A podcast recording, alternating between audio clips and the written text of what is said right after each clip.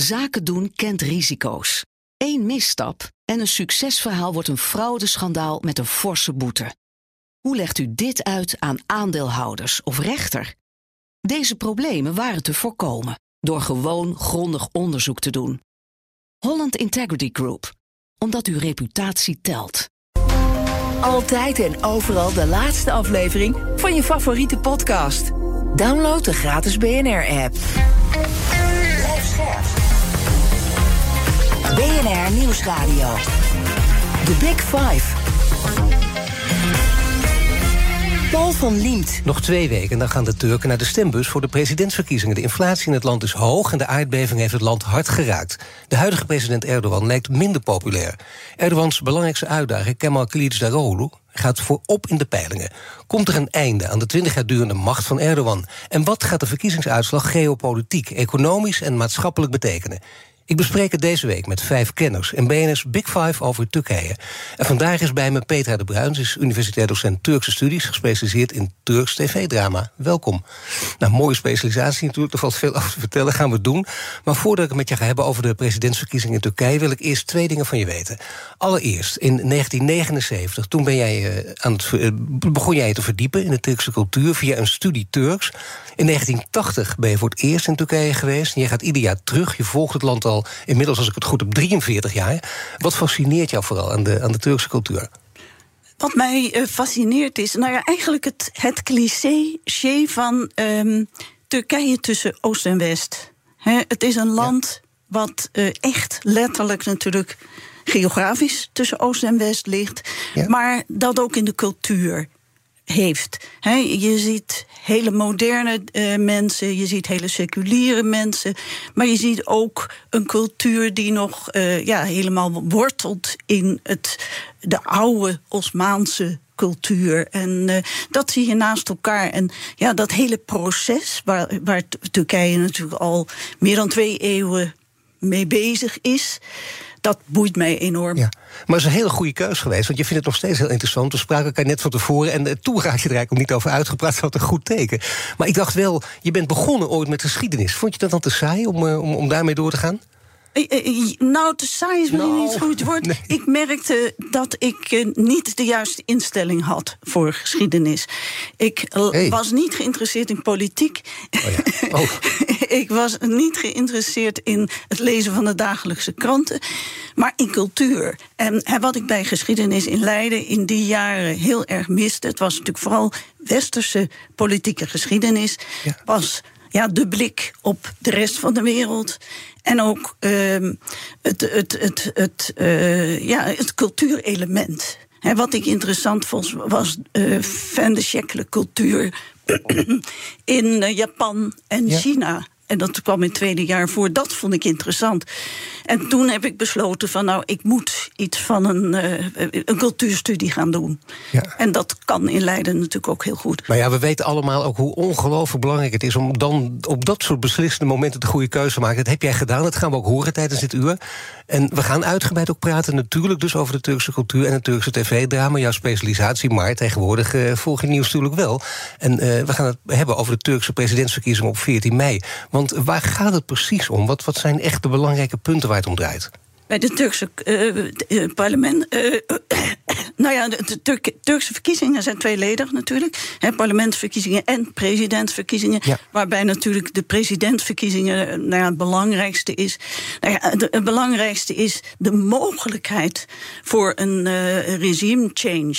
En, en dat is iets ja. wat het nog nooit in de afgelopen twintig jaar zo dichtbij is geweest. En natuurlijk, de oppositie probeert al jaren om dit regime weg te krijgen. Hebben ook al eerder dat met een coalitie geprobeerd. Maar die coalitie was niet standvastig. En bijvoorbeeld de MHP zat daar ook bij. En die is op een moment gewoon overgelopen naar het Erdogan-kamp. Ja, dan houdt het op met je oppositie. En nu is er een groep, de tafel van zes, die heel duidelijk ja, maar één doel heeft: dit regime nou ja, wegstemmen. Ja, met als aanvoerder Kemal Kılıçdaroğlu, voor ons een wat ja. lastige uitsprekende naam. Kılıçdaroğlu. Kılıçdaroğlu. Ja, nee, dat de, de, de, de Kuluc, dat is een zwaard. Dar is een Persisch-achtig voedsel wat gevend betekent. En Olu betekent zoon.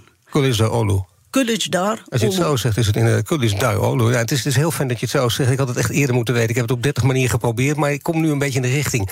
Maar hij is in ieder geval wel iemand die uh, tot de verbeelding spreekt, omdat hij die, uh, regime, uh, die, die, die, ja, die regime change kan, kan waarmaken. Maar hij is veel minder tot de verbeelding vanwege zijn persoonlijkheid, vanwege zijn uitstraling, vanwege zijn charisma. Heeft hij toch een kans, als ik naar de peilingen kijk, wel degelijk? Ja, als je naar de peilingen kijkt, dan heeft hij zeker een kans. Ik denk dat dat ook reëel is. Maar uh, ik ben er niet gerust op. Want uh, Erdogan is in staat, en het regime van Erdogan is in staat om nog zoveel trucs uit de kast te halen. om deze verkiezingen te dwarsbomen. En dat zullen ze in de komende weken toch zoveel mogelijk ook proberen. En uiteraard zit de oppositie er bovenop. Maar ja, sommige dingen kunnen ze, hebben ze de macht niet om dat uh, te voorkomen. En maar toch, er kan heel wat gebeuren. Maar toch zeg je nog steeds, uh, ja, dit kan hij, kan, althans de, de samenstelling van die partijen die de oppositie vormen, die zes partijen, dat kan een echte gamechanger gaan worden. Maar wat betekent 20 jaar Erdogan aan de macht voor de Turkse culturele sector, voor jouw specialisatie ook? Ja, nou, dat is geen positief nieuws natuurlijk voor de Turkse uh, culturele sector geweest. de Turkse culturele, culturele sector was altijd natuurlijk erg gelinkt aan de linkse intellectuele stedelijke bevolking en de modernisering die natuurlijk door uh, in de Republiek door de stichter ook Atatürk gepropageerd is en eigenlijk eh, decennia lang ook de boventoon voerde. Nou, dat is eigenlijk, dat, dat was oneerlijk, want zij uh, onderdrukte het conservatieve religieuze uh, segment in de samenleving, wat toch ongeveer de helft van de, de mensen is. En um, dat, um, dat, heeft, dat is natuurlijk door Erdogans regime veranderd. En daardoor, omdat het Erdogan-regime de afgelopen tien jaar zo ontzettend ja, repressief is geworden, zie je dat dat invloed heeft op uh, de cultuur in de zin van. Voor de duidelijkheid, voor de duidelijkheid, dat was het in het begin bepaald niet. Toen zag het er heel anders uit. Toen was het helemaal niet repressief. Toen dacht je juist, kijk eens, die gaat die westerse liberale waarden omarmen. En daar kan de culturele sector ook van profiteren. Maar al heel snel had jij het al vanaf het begin in de gaten of niet? Of werd je ook even op het verkeerde been gezet? Nee, ik ben in het begin best wel uh, positief geweest. Ik bedoel, ik, ik, ik, uh, ik wil niet zeggen dat ik. Ik, ben, ik heb altijd, altijd wel enige argwaan gekoesterd. Maar dat zou ik ook hebben tegen een religieus regime in Nederland. de, de, de, de ChristenUnie, als die hier aan de macht zou komen, dan zou ik daar ook argwaan tegen hebben. Um, maar hij deed goede dingen. En ik kende ook heel veel uh, links-intellectuelen in Turkije die ook bij de een of andere verkiezing op hem gestemd hebben. En echt mensen die in hart en nieren republikein, seculier, atheïst, weet ik wat allemaal niet waren. Die zijn dus allemaal toch op het verkeerde been gezet? Of heeft Erdogan wel degelijk even gedacht dat hij die kant ook op moest? Ja, maar dat, dat dacht hij denk ik ook. Hij is een populist. Wat natuurlijk ook de, mijn voorganger al, uh, Joost Lagendijk, ook heel duidelijk uitlegt. Ja, je hebt goed geluisterd, ja.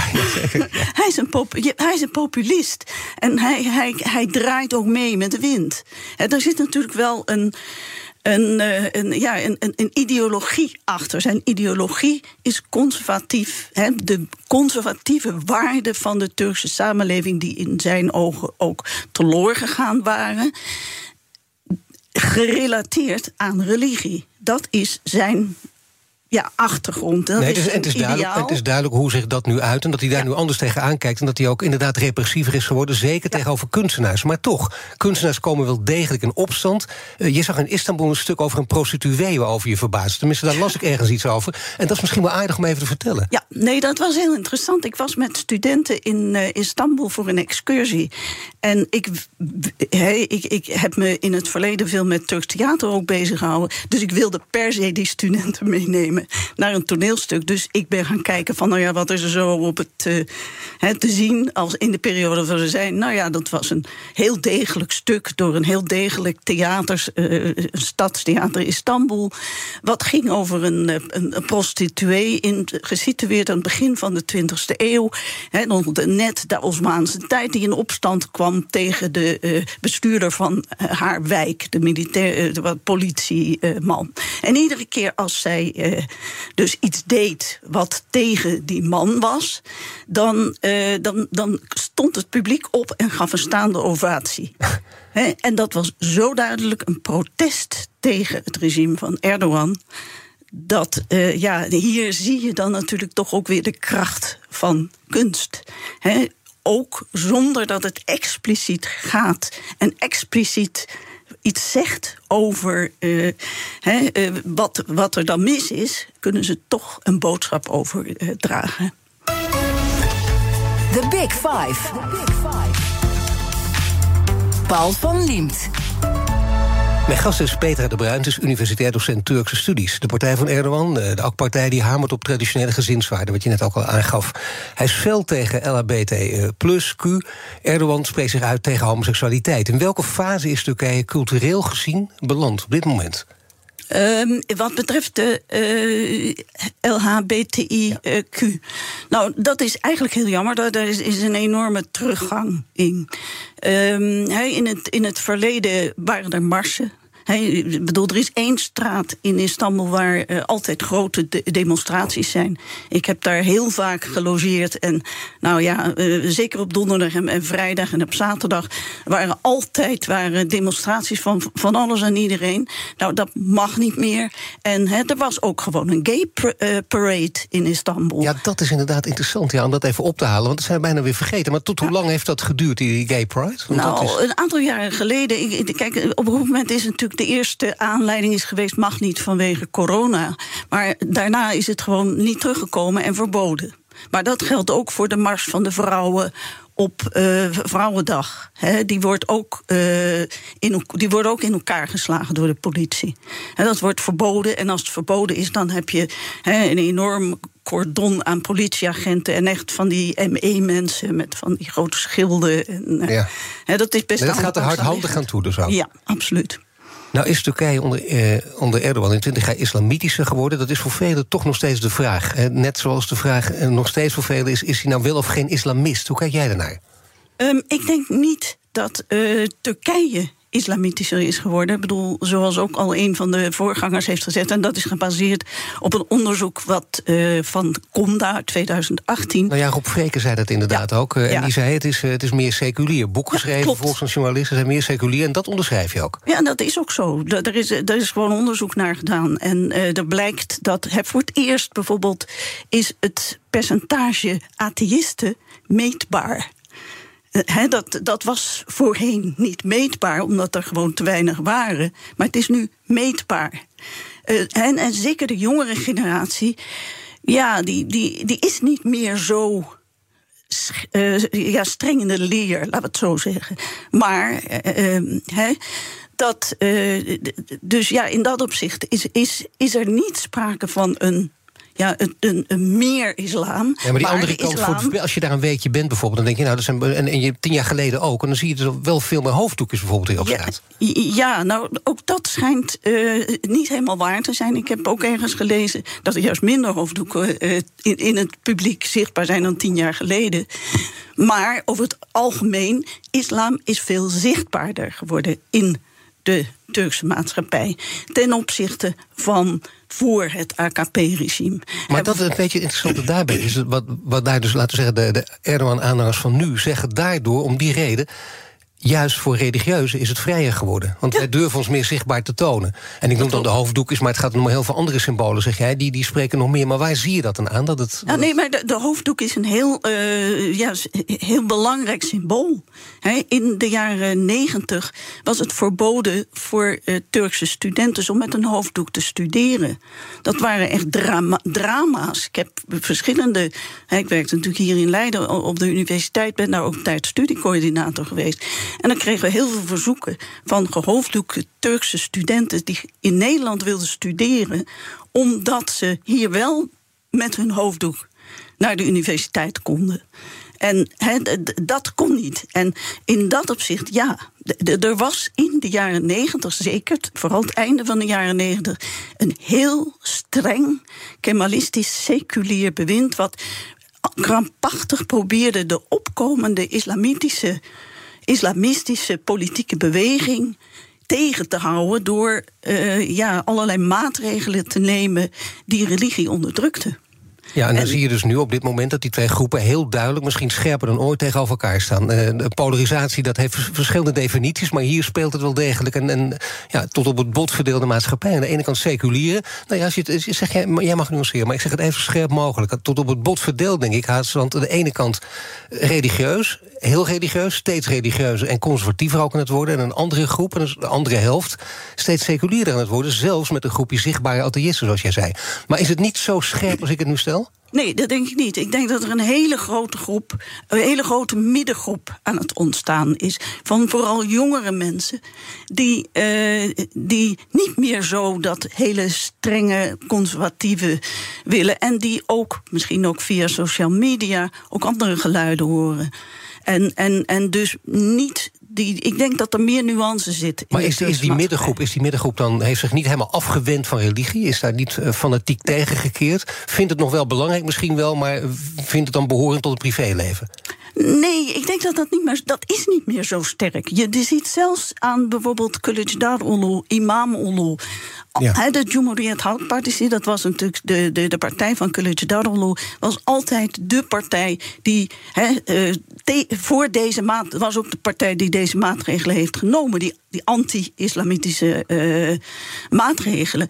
Maar ze hebben ook gemerkt dat ze daarmee de helft van hun kiezers van zich vervreemden. Dus die hebben een switch gemaakt de afgelopen uh, jaren, juist naar een veel genuanceerder en misschien conservatiever, maar ik weet niet of je dat moet, zo moet zeggen. Maar die hebben de religie uh, ja, meer toegelaten. Maar dat heeft dan, uh, uh, Kemal Kılıçdaroğlu heeft dat dan gedaan tegen zijn eigen opvattingen in. Omdat hij denkt, uh, dit, is, dit is beter voor mij, dit is electoraal sterker... of sluit het nou aan bij zijn eigen opvattingen? Ik denk het wel. Ik bedoel, maar ze hebben daar wel een, een, een turn in gemaakt. He, bijvoorbeeld Imamoglu, de burgemeester van Istanbul, komt er... En dat uh, geldt ook voor Mansour Savage, uh, maar in mindere mate. Die komen er uh, rond vooruit dat zij Sunni-moslims zijn.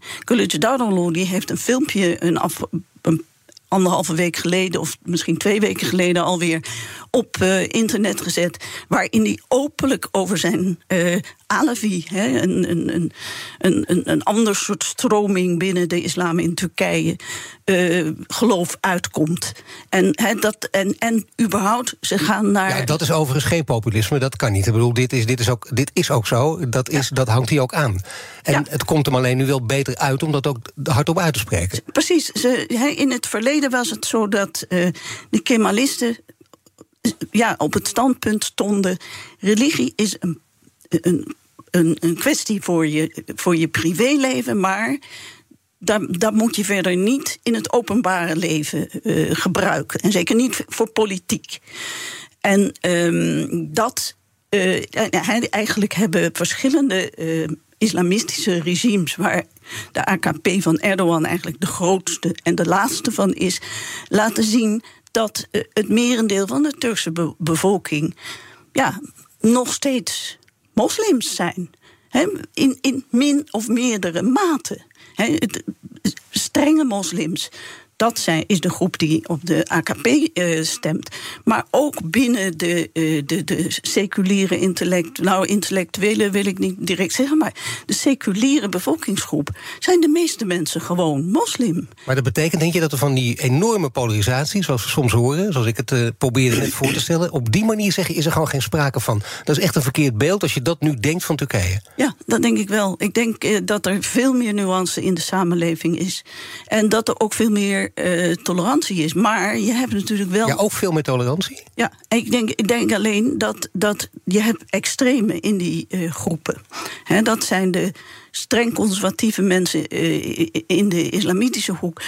Hem gedeeltelijk misschien ook wel uh, rond uh, derwisorders, die weer enorm aan het opkomen uh, zijn. En waar nogal wat schandalen de afgelopen tijd over naar boven zijn gekomen. En aan de andere kant natuurlijk die extreem nationalistisch, seculiere Turken die er ook zijn. Maar dat zijn, denk ik, ik, relatief kleine groepen. Er zit een hele grote middengroep die eigenlijk elkaar wel het licht in de ogen gunt. Een onderscheidend element is natuurlijk Atatürk. De eerste president van Turkije, de, de stichter van de republiek. Hij wordt steeds meer een symbool, held voor de mensen. Uh, straks ook 100 jaar, dat, bedoel, dat komt eraan. 100 jaar republiek en dan betekent ook 100 jaar Atatürk. Althans, er wordt weer naar hem teruggekeken. Hij is een groot symbool. Sommige mensen omarmen hem, anderen niet. Of mensen als Erdogan ook. Die hebben daar duidelijk zichtbaar zelfs moeite mee. Hoe moet ik me opstellen ten opzichte van Atatürk? Is dat dan misschien wel een, een mooie scheidslijn... om te kijken hoe je je ten opzichte van hem opstelt? Jazeker. Ik bedoel, ik heb er wel eens een klein onderzoekje uh, naar gedaan... in uh, film- en televisiedrama. Om de ja. link ja. ook daarmee te maken. Ja. Van uh, hoe zie je nou uh, hoe, hoe, dat, hoe Atatürk wordt afgebeeld in deze series. En dan zie je heel duidelijk dat religieus getinte films en televisieseries Atatürk niet meer als de grote held afbeelden. Wat hij natuurlijk he, de rest van de ongeveer 80 jaar eh, wel geweest is in die Turkse Republiek. Maar als een mens wat ook fouten kan maken. En uh, ook als iemand die samenwerkte met anderen om dingen voor elkaar te krijgen. dus niet hij alleen was degene die in 2015 uh, een belangrijke veldslag won. Maar hij deed dat samen met andere officieren.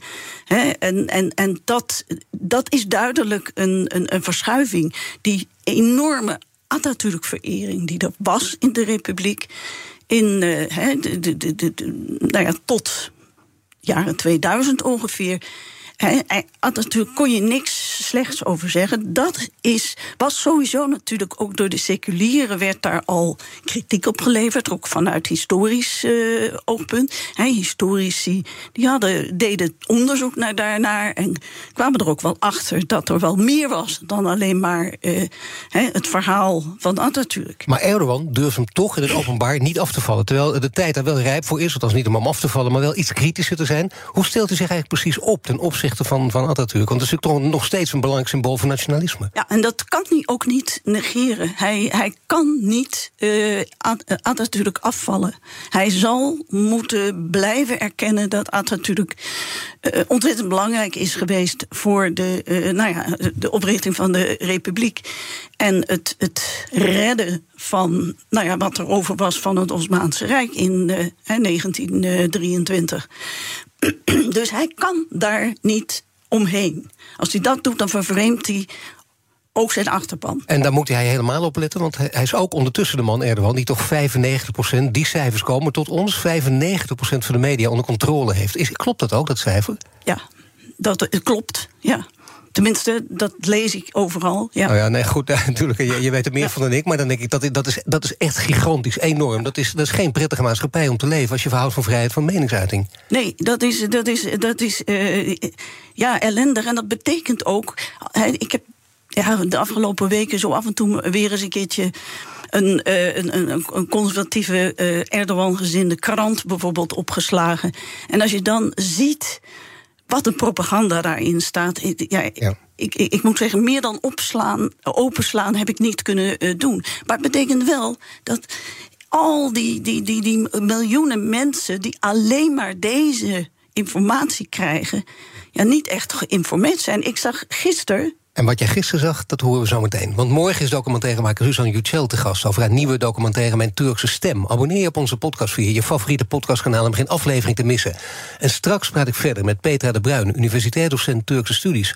over waarom Turks tv-drama wereldwijd populair is... en wat ze gisteren zag. Blijf luisteren. Eneco Klimaatreport van deze week komt uit Amsterdam. Ik ben Pascal en ik sta hier met de oprichter van Wikkelhuis op de werkplaats. Oep, wat zie ik hier? Ja, je ziet allemaal huisjes. En welke rol speelt energie-efficiëntie in jullie ontwerp- en bouwproces? We bouwen alleen maar met hernieuwbare materialen. Maar het leukste is dat we eigenlijk uh, zonne-energie gebruiken voor onze elektriciteit. We hebben duizend zonnepanelen op ons dak van de werkplaats. Duizend zonnepanelen, dat zijn er een hoop. Ik kan me voorstellen dat er veel stroom vanaf komt. Ja, er komt een enorme bak met stroom uit. En soms in de zomer is dat ook te veel. En daarom werken we samen met uh, Eneco, met het uh, opwek optimaal systeem. En wat doet dat systeem? Een soort dimmer. Dat als er te veel stroom is, dat je dat zeg maar wat terug reguleert, zodat er geen netcongestie ontstaat. Want dan zou alles vastlopen. Uh, juist de balans op het energienetwerk. Ja, precies. En zo werkt Wikkelhuis samen met Eneco aan klimaatambities. Is het ook iets voor jouw bedrijf? Check dan eneco.nl slash klimaatambities.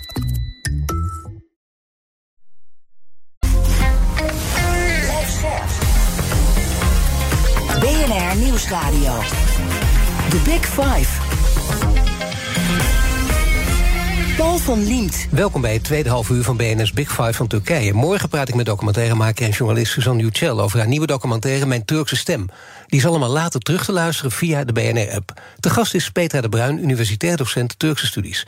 Komend half uur wil ik in ieder geval nog twee onderwerpen met je bespreken. Namelijk een tv-serie die momenteel heel veel stof doet opwaaien in Turkije. Die heet Cranberry Sorbet.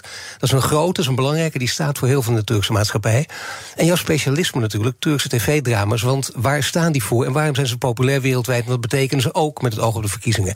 En laten we met dat laatste uh, beginnen. En dan moet ik beginnen met wat je eerder zei, namelijk eh, in, in deze uitzending. Je had het over gisteren. En, en dat is een hele mooie cliffhanger, want daar zit, daar, ja, ze hoorden het ook als het over drama gaat natuurlijk. Zo, daar ben je gespecialiseerd, dat blijkt ook in deze uitzending. Wat wilde jij toevoegen? Nou, wat ik wilde zeggen ging niet over televisieseries, maar gewoon over, uh, nou ja, zendtijd. Ja. Uh, de Turkse staatstelevisie, de TRT, uh, zendt eigenlijk alleen maar uh, Erdogan uit. Er was een onderzoek van, wat ik gisteren las um, van de, uiteraard de oppositie, dat Erdogan de afgelopen maand 32 uur zichtbaar was in propaganda-speeches enzovoort, uh, verkiezingsspeeches. En Kılıçdaroğlu, de leider van de oppositie, uh, uh, 32 minuten. Dus dat is een enorm verschil. En dat betekent ja. dus ook, om even nog aan te sluiten met wat ik, wat ik daarnet ook al zei, dat een groot deel van de Turkse mensen ja, slecht geïnformeerd wordt over wat er is. heel veel linkse intellectuelen weten wel waar ze die informatie wel kunnen vinden. Want er zijn internetzenders. Uh, er is natuurlijk uh, sociale media waar je wel andere informatie. Ja, alleen trouwens links of zijn alle intellectuelen? Denk allemaal wel. Allemaal wel, denk ik. Ja. Lijkt me wel. En, hoe groot is dat percentage in, in Turkije? Dat is een klein deel, denk ik toch? Ik niet zo. Ik, ja, het zal vergelijkbaar zijn met. met ik, ik, ik, maar, voor het, maar voor het grote publiek is het wel echt waanzinnig, toch? 32 uur tegenover 32 minuten. Makkelijk te onthouden ook, maar het zijn echt, het staat in geen enkele verhouding. Nee, nee, absoluut niet. En dat, dat ja, kenmerkt, dat geeft dus heel duidelijk aan wat de situatie rond deze verkiezingen in Turkije. Oké, nog meer zendtijd dan naar, naar Erdogan gaat naar uh, Turks tv-drama. Want uh, Turks tv-drama is heel populair. Niet alleen in Turkije zelf, maar ook uh, wereldwijd is het populair. Misschien iets minder in het westen dan in het oosten, maar de wereld is veel groter dan alleen het westen. En het is heel populair. Wat is de reden daarvoor? Um, ja, ik denk dat er verschillende redenen voor zijn. Ten eerste, het wordt goed gemaakt. Turkije heeft een hoge standaard. Kwalitatief zijn die series gewoon goed. Um, de acteurs zijn goed. Dat komt ook door de traditie die er is voor uh, theater en film. waardoor er gewoon veel goede acteurs zijn die van goede opleidingen komen. Maar aan de andere kant, het spreekt ook um, niet-westerse landen aan. Want hè, bijvoorbeeld in de Balkan uh, is het, uh, en dat is heel interessant eigenlijk om te zien, in de Balkan spreekt het huisvrouwen aan die daar eigenlijk een nostalgisch gevoel bij krijgen. Want het beschrijft waarden die in die maatschappijen eigenlijk niet meer aanwezig zijn en waar zij naar terug verlangen. Wat voor waarden? Een beetje conservatieve familiewaarden. Die, uh, dat spreekt hun enorm aan. En uh, wanneer je kijkt naar uh, bijvoorbeeld de uh, Arabische wereld, daar zijn die vrouwen juist heel modern. Want zij mogen veel meer dan vrouwen in bijvoorbeeld het Arabisch Schiereiland. ze mogen in opstand komen tegen hun mannen. Ja. ze mogen de straat op. Ze mogen een baan hebben. En ja, dus, maar het, dat spreekt die mensen enorm aan. En ja, daarbuiten zijn ze gewoon goed gemaakt. Dus, ja. Nee, maar er zijn genoeg redenen natuurlijk om dat aan te geven. En bovendien, dat is vaak inderdaad een, een hele rare kijk eh, toch van de buitenstaander die denkt, oh, dat zal wel minder zijn. Ook als je naar een, eh, een Netflix-serie kijkt, een Turkse makelij. En als je kijkt, heel goed, inderdaad heel erg goed. Betekent dus de opleidingen zijn goed. Er wordt ook veel geld in gestopt dan, of niet? Absoluut, ja. Nee, zeker het valt me ook op, gewoon echt uh, heel veel uh, acteurs, ook altijd op pleinen, ook acteurs die niks mogen zeggen. En je ziet gewoon dat, dat, daar is ook geld in gestopt. Uh, heel, veel, heel veel tijd ook daarin gestopt. Dus er is geld genoeg. Steunt de staat dat dan ook, of niet? Um, via de staatsomroep wel. Uh, je hebt in, in Turkije een, een, een staatsomroep, dat is de TRT. En daar worden ook series uh, op uitgezonden. En die worden natuurlijk gesubsidieerd door de overheid. Maar daarnaast heb je ook een, een hele hoop commerciële zenders... die in feite hun series inkopen bij productiemaatschappijen. En dan uh, de rol van de vrouw. Je hebt er al iets over gezegd, maar als je in het algemeen kijkt naar Turks drama, Turkse tv-series, hoe komt de, de vrouw ervan af in die Turkse tv-series? Nou, daar zie je heel duidelijk een, een, een, een, een tweedeling. Uh, in de, uh, het, het merendeel van de Turkse series zijn eigenlijk laten een, een, een seculier vrouwbeeld zien. vrouwen dragen geen hoofddoek meestal. Ze werken, ze zijn mondig. Ze, nou ja, staan in het leven. aan de andere kant heb je natuurlijk ook altijd het de moederpersonages, die juist de meer traditionele nelen en familiewaarden ook representeren. Want daar, daar, dat is in de Turkse cultuur nog steeds ook heel belangrijk. En daarmee, dat, dat is ook een beetje kritiek die ze soms wel eens op het Westen hebben. Dat wij hier uh, familiewaarden niet voldoende appreciëren. Niet voldoende, uh, ja, uh, wat is het? Uh, nou, letterlijk waarderen. Ik bedoel, waarderen, je, ziet ja. het natuurlijk ook vanuit, vanuit Italië. La Familia, dat is ook heel belangrijk. En dan wordt er ook anders naar ons gekeken. Ja, absoluut. Ja. Dus dat scheelt ook. En dan zie je natuurlijk wel uh, dat, dat vrouwen steeds meer mogen. Steeds uh, sterkere rol krijgen. En uiteindelijk ook uh, de mannen gaan overvleugelen. Je ziet het ook bij een hele grote serie op de Duitse tv. Notabene op primetime uitgezonden al jarenlang. Een Duitse productie in samenwerking met Turkije, volgens mij. En uh, met, ook heel veel Turkse acteurs daarin. Commissar Istanbul, zoiets, ik weet niet precies de titel. Kijken heel veel Duitsers ook naar. En dan zie je inderdaad de rol van die vrouw.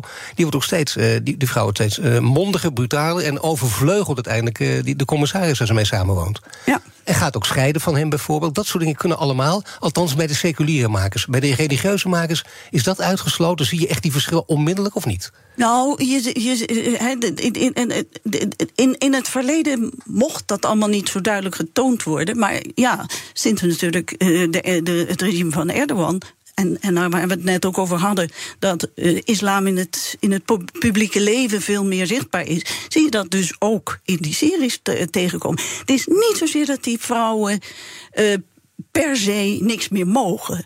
Ook he, in, die, in het Turkse concept van uh, islam, zoals dat door de achterpartij wordt uitgedragen, is er een rol voor de vrouw. Alleen uh, de, de rol van de vrouw als huisvrouw en als moeder wordt benadrukt. Maar daarnaast mag ze best een positie in de maatschappij ook bekleden. Je ziet ook in de kabinetten van Erdogan en überhaupt in de organisatie van de AKP, AKP ook vrouwen. Ik bedoel, die hebben ook posities. Dus, uh, maar toch in die series, het is natuurlijk nog wel een, het is meer dan een subtiel verschil uh, natuurlijk. Uh, ze mogen meer, maar nog steeds wel benadrukken de rol van huisvrouw. En daarnaast mag nou, je dan meer, maar niet. Je mag net zoveel als een man, of misschien wel meer dan een man. niet meer dan een man. Nee. Uiteindelijk inderdaad moet je je voegen naar wat de man wil. Want dat hoort bij die conservatieve dat hoort niet zozeer bij religie, maar wel bij conservatieve uh, waarden, cultuurwaarden. En als het nu uit de hand loopt in de ogen van Erdogan bijvoorbeeld, of degene die die familiewaarden heel belangrijk vinden, die vinden dat inderdaad de vrouw zich moet voegen naar de man. En dat gaat verkeerd in die series, in hun ogen. Kan Erdogan dan ingrijpen? Niet direct, maar wel via uh, de, uh, de radio- en televisieraad. En daar heeft hebben de Erdogan-gezinden, heeft hij uiteraard natuurlijk voor gezorgd. Mag ik één serie eruit pikken? We gaan straks over een andere serie ja. uitgebreider praten, maar even een andere. Die populaire serie Sultan Suleiman. Ja. Dat is een, een, hele populaire serie in Turkije. Misschien aardig als je daar iets over kan vertellen. Ja, dat is een uh, serie alweer een, een, een, aantal jaren geleden. Die ging over um, Sultan Suleiman, een Osmaanse sultan, die uh, in principe uh, de, de, ja, op het hoogtepunt van het Osmaanse Rijk aan de macht was. En in die serie werd vooral het leven van de vrouwen in de harem en en zijn relaties tot die vrouwen uh, afgebeeld. He, ook historisch gezien is daar een grond van waarheid in. Hij was uh, getrouwd met Hurrem Sultan. En historici denken dat, uh, dat deze Hurrem Sultan op de achtergrond wel degelijk ook invloed en politieke invloed ja. had. En, en dat is een beetje de basis voor deze serie. Nou, uh, Erdogan was daar erg op tegen. Die heeft uh, vanaf het begin tegen die uh, serie geprotesteerd. Hij, op dat moment kon hij daar niet veel aan doen, want op dat moment had hij nog niet die macht ook over dat, dat, die radio-televisieraad. En, um, maar wat hij wel deed, was hij, in, in, op allerlei rallies daartegen fulmineren en zeggen dat Suleiman op een, op een paard moest zitten en moest vechten en zo getoond moest worden en niet in de harem in de handen van vrouwen. Die serie is, ik geloof, vier of vijf seizoenen uh, doorgegaan. En razend populair geweest. Nou, dat zegt genoeg. Mijn gasten stel ik aan vragen via de kettingvragen. In de vorige aflevering was hier Joost Lagendijk, Turkije-correspondent. Die had deze vraag voor jou. Beste Petra, in veel van die populaire, uh, met name historische series... Uh, worden Europeanen en Westelingen afgebeeld als onbetrouwbaar, corrupt... altijd erop uit om de Turken dwars te zitten. Met andere woorden, de clichés van het Turkse nationalisme. Ben jij niet bang uh, dat uh, die, uh, die afbeeldingen en die series meewerken aan het bevestigen van alle Turkse vooroordelen over Europa en het Westen? Daar ben ik het helemaal mee eens. Absoluut, ja. Uh, waar uh, uh, Joost op, uh, op, op doelt, dat zijn met name militaire actieseries. Niet zozeer deze historische series, maar um, althans er zit wel een historische component in. En dat gaat vooral terug op het, zin, het, het, het, het complex wat Turkije heeft uh, na de Eerste Wereldoorlog. De westerse machten, dat is geschiedenis, hebben in feite het uh, Turkije laten vallen, want ze hadden de kant van Duitsland gekozen. En ze hebben geprobeerd om het land op te delen. Nou, daar is de onafhankelijkheidsoorlog uit ontstaan, is de republiek uit ontstaan. Maar er is nog steeds, en dat zie je dus ook weerspiegeld in die series, een, een, een syndroom van het Westen is erop uit om Turkije ja, uh, weer opnieuw te verdelen. En dat is heel sterk. Zometeen praat ik verder met Petra de Bruin, universiteitsdocent Turkse studies. Zaken doen kent risico's. Eén misstap en een succesverhaal wordt een fraudeschandaal met een forse boete. Hoe legt u dit uit aan aandeelhouders of rechter? Deze problemen waren te voorkomen door gewoon grondig onderzoek te doen. Holland Integrity Group, omdat uw reputatie telt. Je hebt aardig wat vermogen opgebouwd. En daar zit je dan, met je ton op de bank. Wel een beetje saai, hè? Wil jij, als belegger, onderdeel zijn van het verleden of van de toekomst? Bridgefund is een slimme fintech die een brug slaat tussen de financiële behoeften van ondernemers en van beleggers. Dus wie belegt bij Bridgefund krijgt niet alleen een mooie vaste rente, maar brengt ook ondernemers in beweging. Echt waar, met die ton kan je zoveel betere dingen doen. Bridgefund. Make money smile. BNR Nieuwsradio. The Big Five. Paul van Liemt.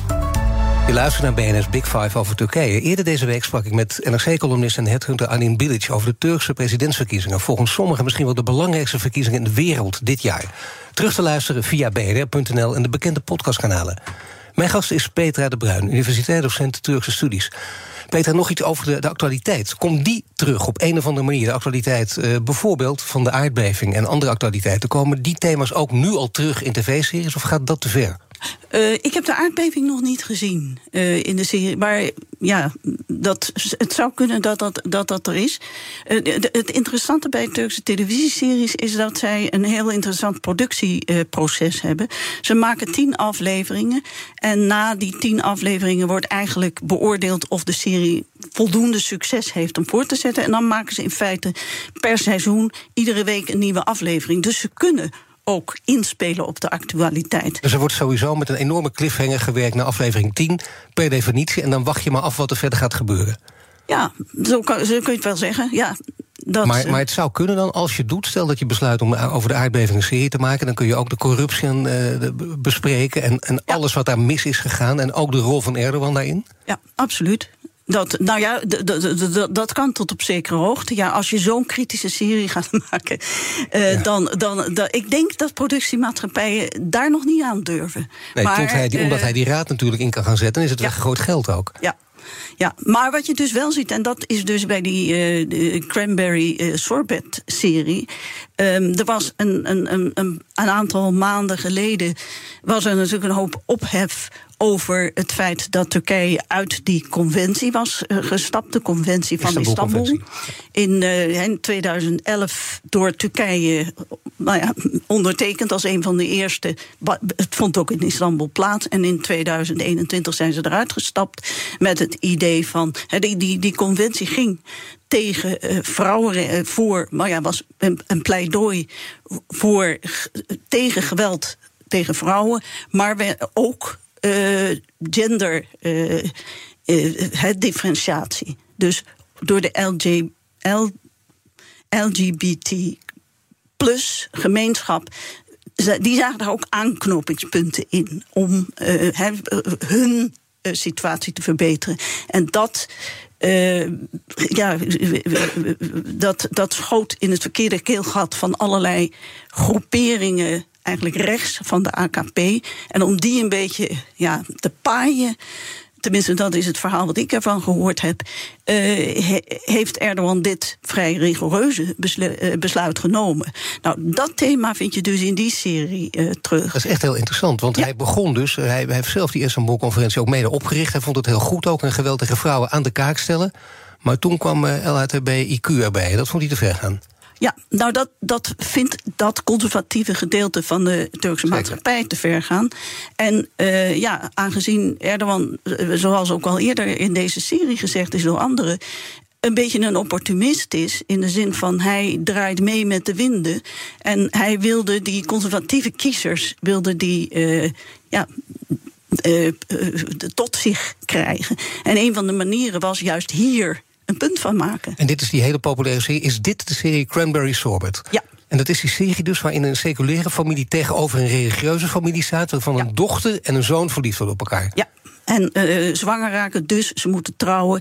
En he, de, de, het culturele uh, concept is dat de uh, bruid dan in gaat wonen bij de bruidegom. Dus er komt in die religieuze familie. Nou, dat leidt natuurlijk. Zeker de eerste afleveringen zijn erg clichématig. Ik bedoel, de, de seculieren zijn erg seculier en de ja. religieuzen zijn erg religieus. He, ik bedoel, de, de, moeder van, de, van deze bruid is schoolhoofd van de middelbare school. Maar ze loopt dan in hele korte minirokjes en, ja. uh, en hele blote kleren. Nou, ik moet zeggen, als ik schoolhoofd was van een middelbare school, zou ik dat toch ook in mijn privéleven niet doen. Is wel maar, heel erg show don't tell. Nee, maar dit is inderdaad heel duidelijk, ja. Maar he, dat is dus, en, en die andere familie wordt heel erg, ja, heel erg religieus afge, afgebeeld. He, als er maar iets aan de hand is, gaat de moeder uh, bidden bij een, een, een, een, een uh, bij een, een, een turbe, een, graf van een heilige. Nou ja, er zitten allerlei clichés. Maar ja, dit geeft wel meteen aan. Dit, dit wordt door heel veel Turken wel bekeken. Natuurlijk een heel populaire ja. serie. En het zijn clichés, maar ze geven wel voeding natuurlijk aan die polarisatie in de maatschappij. Ja, nou ja, en, en, en, maar wat ook het, het interessante, dat, dat is eigenlijk een ontwikkeling die ik zie in deze serie. De serie is nog bezig bezig. Uh, ze zijn bij aflevering 24 deze week, morgen. Um, dus het is, het is nog uh, helemaal in, uh, in, in, in, gang. Vind je het maar, ook, zit je er alleen maar vakmatig naar te kijken... of vind je het zelf ook een leuke serie om te volgen? Gewoon puur vanuit entertainment oogpunt bekeken? ik weet niet of ik dat nog kan scheiden. Oh, je kijkt alles professioneel gewoon. Je kijkt nooit voor je plezier. ik denk, ik ben bang van wel. Nee, toch. Nou, heel af en toe heb ik wel eens een, een serie waar ik. Uh, ja, maar dan niet deze serie. Deze kijk ik toch wel echt. Uh, is, is er een Turkse serie die ons kan aanraden? Van je zegt, nou, die heb ik ook met zoveel plezier gekeken. Ik, ik kon niet. Het echt, ik bleef maar kijken. Uh, nou, ik vond de Culub, dat is een Netflix-serie, Culub, vond ik een hele mooie serie. Ja, even de Culub, kunnen we allemaal naar kijken. Waar, waar, waar, De club en waarom is die zo goed? Uh, er, er, er, zat een hele hoop dynamiek in. En een hele hoop. Natuurlijk zit ook een liefdesverhaaltje in. Laat de, de minderheden uh, in Istanbul in de jaren 50 zien. En de, de repressieve politiek daartegen.